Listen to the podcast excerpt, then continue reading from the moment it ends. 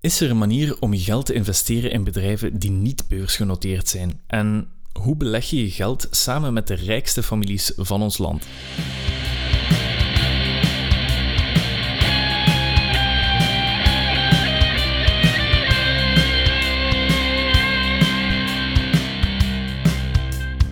Welkom bij de Goed Belegd podcast. Mijn naam is Louis en in deze podcast ga ik waarde toevoegen aan jouw leven door te bespreken hoe je best investeert, in de brede zin van het woord.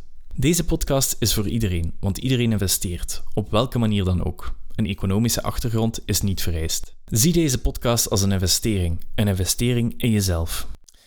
Vandaag hebben we het over een speciaal soort bedrijf, een beursgenoteerde holding of een investeringsmaatschappij, ook wel genoemd. Een holding is een soort overkoepelend bedrijf dat eigenlijk aandelen in haar bezit heeft van andere bedrijven. Soms heeft, het, heeft de holding 100% van de aandelen in handen van een ander bedrijf en dan noemen we dat bedrijf eigenlijk een dochterbedrijf. En in andere gevallen heeft de holding niet alle aandelen van een bedrijf in handen en dan is er nog een verschil tussen een bedrijf waarvan de holding de meerderheid van de aandelen bezit, of een bedrijf waar het minder dan 50% van de aandelen bezit. In dat laatste geval spreken we eigenlijk meer over een participatie. Participeren of deelnemen in een bedrijf is dus eigenlijk gewoon aandelen kopen van dat bedrijf. Het kan ook goed zijn dat een holding voor zowel 100% eigenaar is van enkele dochterbedrijven en daarnaast ook nog participaties heeft in enkele bedrijven. Dus eigenlijk voor minder dan 100% aandelen heeft van bepaalde ondernemingen. Een voorbeeld. Stel, Jeff en ik, wij gaan een snoepjesbedrijf oprichten. Zoals je misschien al wist, durven we alle twee soms een beetje stress bingen en dus dachten we die destructieve hobby om te zetten in een bron van inkomsten. We zijn met twee en we hebben elk 50% van de aandelen in handen van dat bedrijf en we noemen het als trotse Gentenaars Marlin Tracker Incorporated. We zullen het nu M Incorporated noemen om het een beetje kort te houden, maar dus Marlin Tracker Incorporated. Een, uh, een Tracker is zo'n uh, een zuur snoepje waar je eigenlijk uh, rare smoelen van gaat beginnen trekken. Um, vandaar M Incorporated. Zoals we dachten, zijn we niet alleen en ons snoepjesbedrijf groeit in een mum van tijd uit tot een massaal succes. We hebben veel winst gemaakt en nu hebben we geld op onze bankrekening van het bedrijf.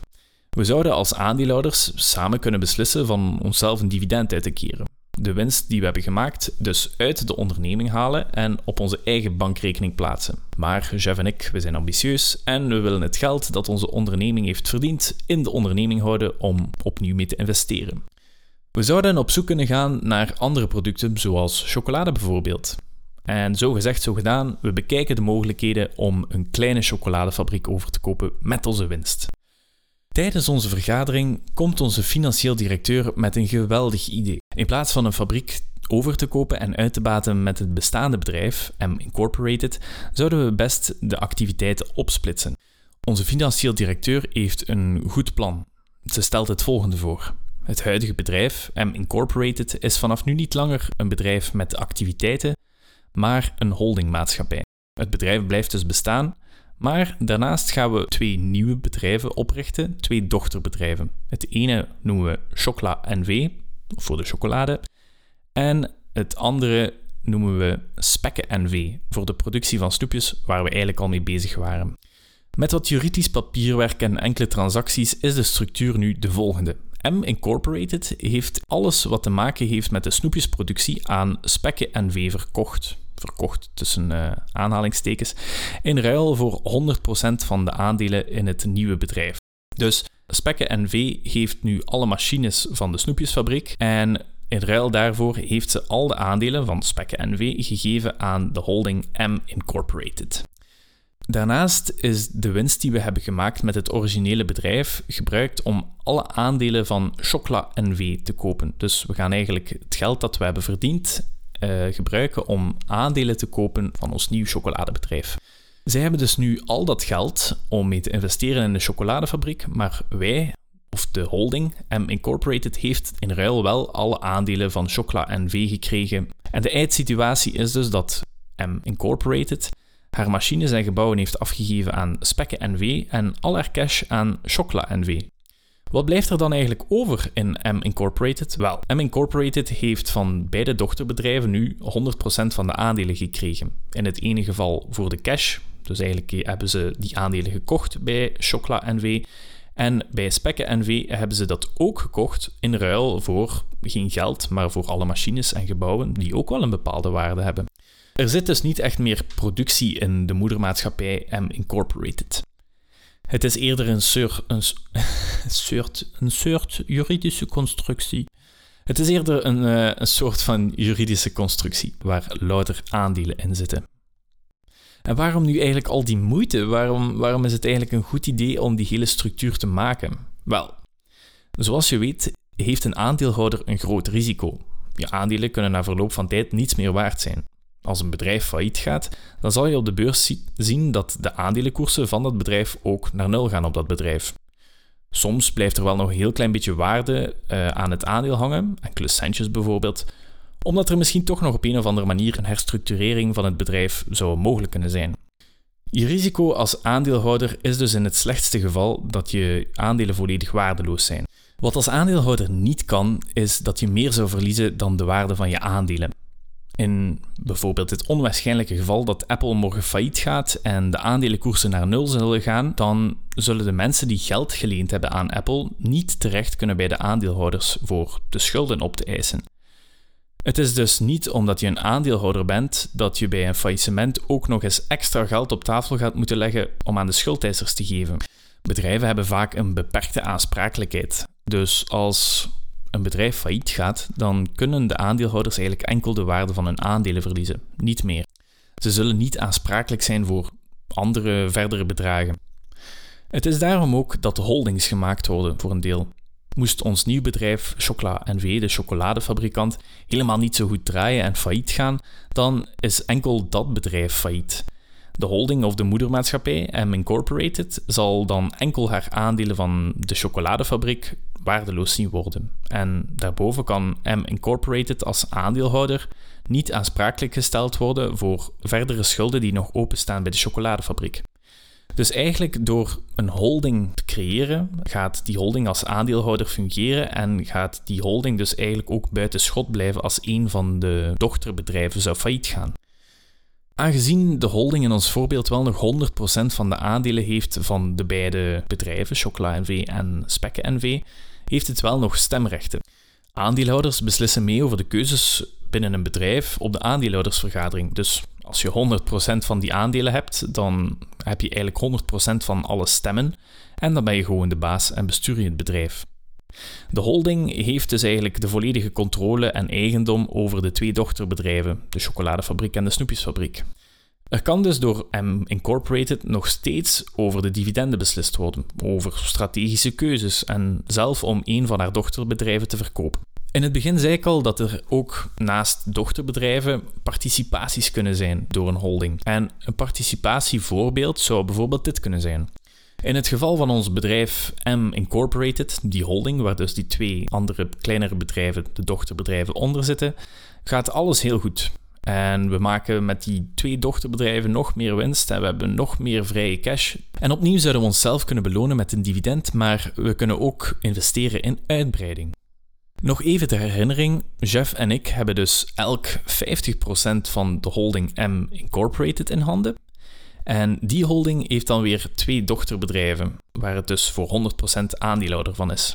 Indirect hebben Jeff en ik dus eigenlijk 50% van beide bedrijven in handen.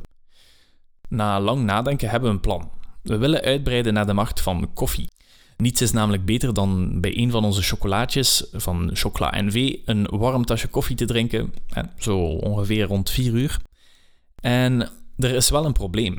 We, we weten eigenlijk helemaal niet zoveel over koffieproductie en het lijkt ons ook dat we heel veel geld gaan nodig hebben om een koffieproducent op te richten. Veel meer geld dan we eigenlijk hebben op onze bankrekening op dit moment. Na lang denken hebben we een idee. In plaats van zelf een koffiebedrijf op te richten, als derde dochterbedrijf dan voor onze holding, kopen we met onze holding gewoon aandelen op de beurs van een koffiebedrijf dat we aantrekkelijk vinden. Op die manier kunnen we toch investeren in koffie met het geld dat we hebben en we kopen gewoon zoveel mogelijk aandelen. Ons oog valt op de beursgenoteerde speler Mico. Ons plan is om met onze winsten uit chocola en spekken, dus de snoepjes en chocoladefabrikant, zoveel mogelijk aandelen van dat bedrijf te kopen. Alleen de winst van die twee dochterbedrijven is eigenlijk nog geld op de bankrekening van de, van de dochterbedrijven en wij willen eigenlijk investeren via onze holding. We moeten dus eigenlijk het geld van de dochterbedrijven eerst bij de holding zien te krijgen. En dat kunnen we doen met een dividend. Jeff en ik moeten dus als aandeelhouder van M Incorporated, de holding, akkoord zijn om een dividend uit te keren aan de aandeelhouders van Chocola en Spekken. Dat klinkt misschien een beetje raar, maar de aandeelhouder van Chocola en Spekken is niet Jeff en ik, maar dat is eigenlijk de holding M Incorporated. We hebben het dus wel voor het zeggen in Chocola en Spekken, onze snoepjes en chocoladefabriek. En wij kunnen wel beslissen dat die twee geld gaan uitkeren in de vorm van een dividend aan de holding, dus aan M Incorporated. Want M Incorporated is eigenlijk de aandeelhouder van de twee dochterbedrijven. Een dividend gaat dus niet direct bij ons komen, maar wel eerst in de holding. En dan kunnen we nog beslissen of dat de holding een dividend uitkeert aan Jeff en mij, maar dat gaan we niet doen. We willen eigenlijk dat geld in die holding houden. En eens dat dat is gebeurd, eens dat we dat dividend hebben goedgekeurd en dat het geld op de bankrekening van de holding staat, dan kunnen we gaan kijken om aandelen te gaan kopen van Mico. Met al ons geld kunnen we ongeveer voor 7 miljoen euro aan aandelen kopen. En aan de huidige koers zijn dat ongeveer 63.000 aandelen van het bedrijf Mico. In totaal heeft Mico ongeveer 1.250.000 aandelen. Dus wij hebben eigenlijk, als we 63.000 aandelen kopen, ongeveer 5% van alle aandelen in handen. Onze holding zal dus op die manier zeker niet de enige eigenaar zijn van Mico en we spreken dan eigenlijk meer over een participatie. M Incorporated, de holding, zal als aandeelhouder van Mico zeker naar de aandeelhoudersvergadering mogen gaan om te stemmen over beslissingen. Maar het heeft maar een klein deel van de stemmen in handen op de aandeelhoudersvergadering, ongeveer 5%. En dat zal ervoor zorgen dat Jeff en ik dus eigenlijk wel vertrouwen zullen moeten hebben in de managers van Mico. En dat we met de andere aandeelhouders ongeveer dezelfde visie moeten hebben aangezien we niet vrij kunnen beslissen wat er bij Micro gebeurt. We zouden ook ervoor kunnen kiezen om in een ander bedrijf een andere participatie te nemen, waarbij we wel meer dan 50% van de aandelen kunnen kopen. Op die manier gaan we wel de vrijheid hebben over de beslissingen, ehm, maar gaan we toch niet het volledige bedrijf in ons bezit hebben. Dus vanaf dat je meer dan 50% van de aandelen in bezit hebt, ben je, heb je de meerderheid op de aandeelhoudersvergadering, dus beslis je eigenlijk wat er gebeurt met een bedrijf. Allemaal om eigenlijk maar gewoon aan te tonen wat een holding kan inhouden. Er kunnen dochterbedrijven in zitten, waar de holding voor 100% eigenaar van is. En er kunnen ook participaties in andere bedrijven in zitten, waar we dus minder dan 100% van de aandelen in handen hebben met de holding, maar toch nog steeds een bepaald stemrecht hebben. Een coole eigenschap van een holding is dat de participaties in bedrijven ook niet per se moet zijn in bedrijven die op de beurs noteren. We spraken daarnet over Mico, dat een beursgenoteerd bedrijf is, maar het kan ook zijn dat een holding met haar geld een aandelenpakket koopt van een bedrijf dat niet op de beurs staat. En dan zal de holding effectief gewoon een voorstel moeten doen aan het bestuur van dat niet beursgenoteerde bedrijf en zeggen: Kijk, wij hebben zoveel geld en we zouden daarmee zoveel van jullie aandelen willen kopen, kunnen we daar een akkoord over maken? En op die manier kunnen ze dus ook investeren in niet beursgenoteerde aandelen. Jij kan dus eigenlijk, als je zelf investeert in een holding, een beursgenoteerde holding, kan je dus gaan investeren indirect in bedrijven die niet op de beurs staan, wat wel cool is.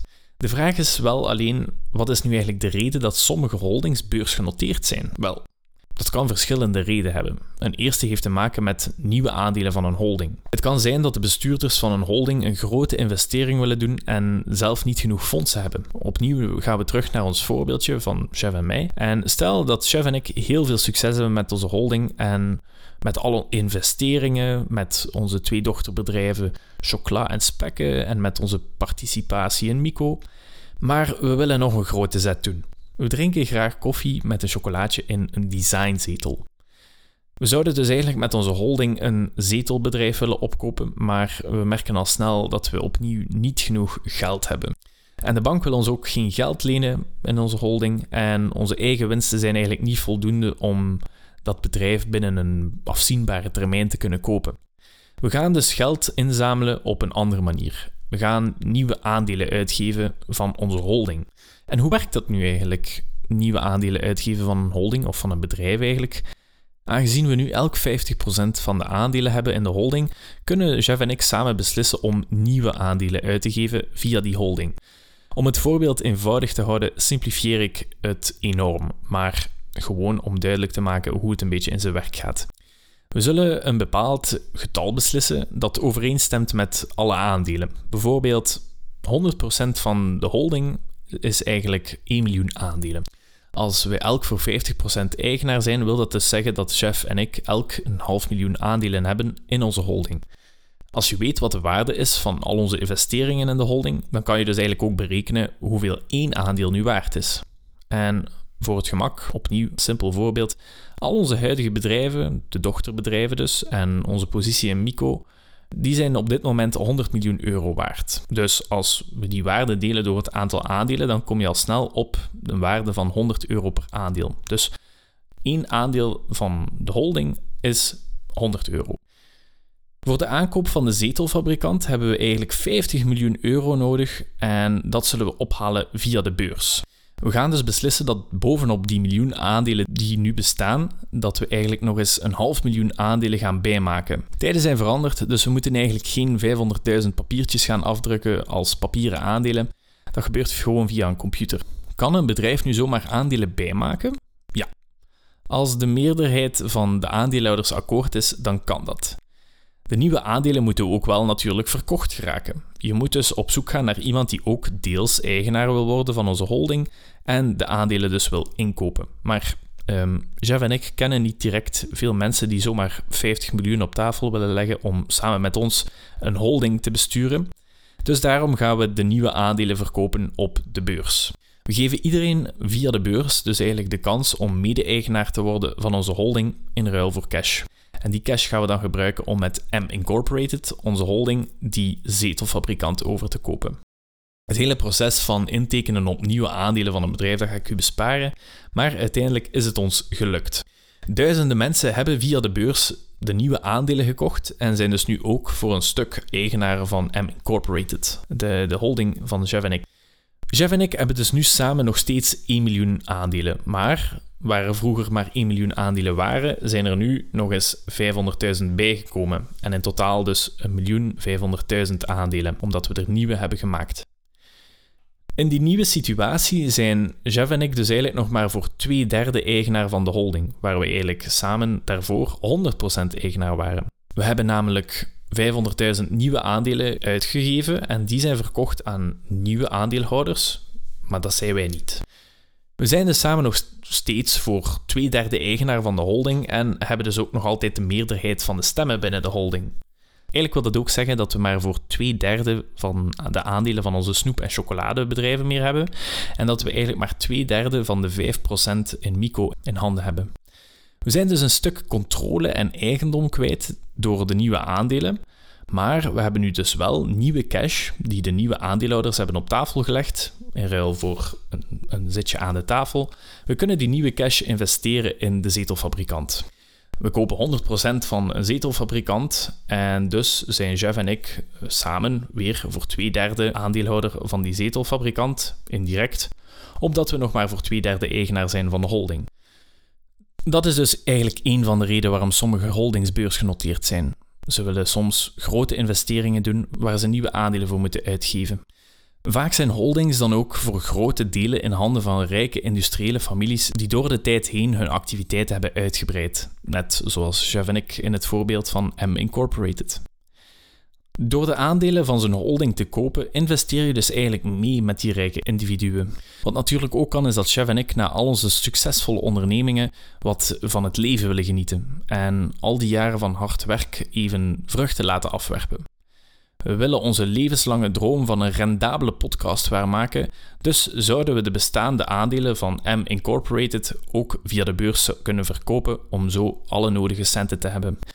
Soms gaan holdings dus ook naar de beurs om een deel van de bestaande aandelen te verkopen als het gaat over heel grote bedragen. Dat zijn eigenlijk al twee redenen waarom een holding soms beursgenoteerd is: omdat er nieuwe aandelen via de beurs zijn verkocht of omdat er bestaande aandelen zijn verkocht aan beleggers. Hopelijk kon dat voorbeeld eigenlijk al een beetje duidelijkheid brengen over holdings en hoe ze ontstaan. Er zijn ook natuurlijk altijd speciale gevallen bij holdings. Zo is er bijvoorbeeld KBC Ancora. En dat is een holding met eigenlijk maar één participatie, de KBC-groep. Dus KBC Ancora is een holding die eigenlijk maar één aandelenpositie heeft in de KBC-groep. Sommige holdings hebben dan ook weer enorm veel posities. Er zijn zelfs holdings die participeren in holdings, een soort holdingception, waarbij holdings dus aandelen hebben van holdings. Met holdings kan je dus als aandeelhouder via één aandeel je investering enorm spreiden over bedrijven, wat je risico ook verlaagt. Als je dus op zoek bent naar manieren om gespreid te beleggen, zoals de rijken, kan een holding zeker het overwegen waard zijn. Bij sommige aandelen kan je zelf in het jaarrapport zien dat een groot deel van het bedrijf eigenlijk in handen is van een holding. Zo merkte ik onlangs op dat het Belgische bedrijf de Senderlo, een industrieel bedrijf, eigenlijk in handen is van de Picanol Groep. En de Picanol Groep is een bedrijf dat oorspronkelijk weefmachines maakte. Maar nu heeft het allerhande bedrijven in haar portefeuille. Denk terug eigenlijk aan M Incorporated, dat ook gewoon begon als een snoepjesfabriek, maar dan op latere punt veel andere bedrijven is gaan kopen met haar winsten. Andere bedrijven die je kent zijn dan soms misschien zelf een holding zonder dat je het weet. Telenet bijvoorbeeld is meer dan alleen de merknaam Telenet, maar ook uh, heeft het participaties en dochterbedrijven zoals Base, Woestijnvis en andere namen.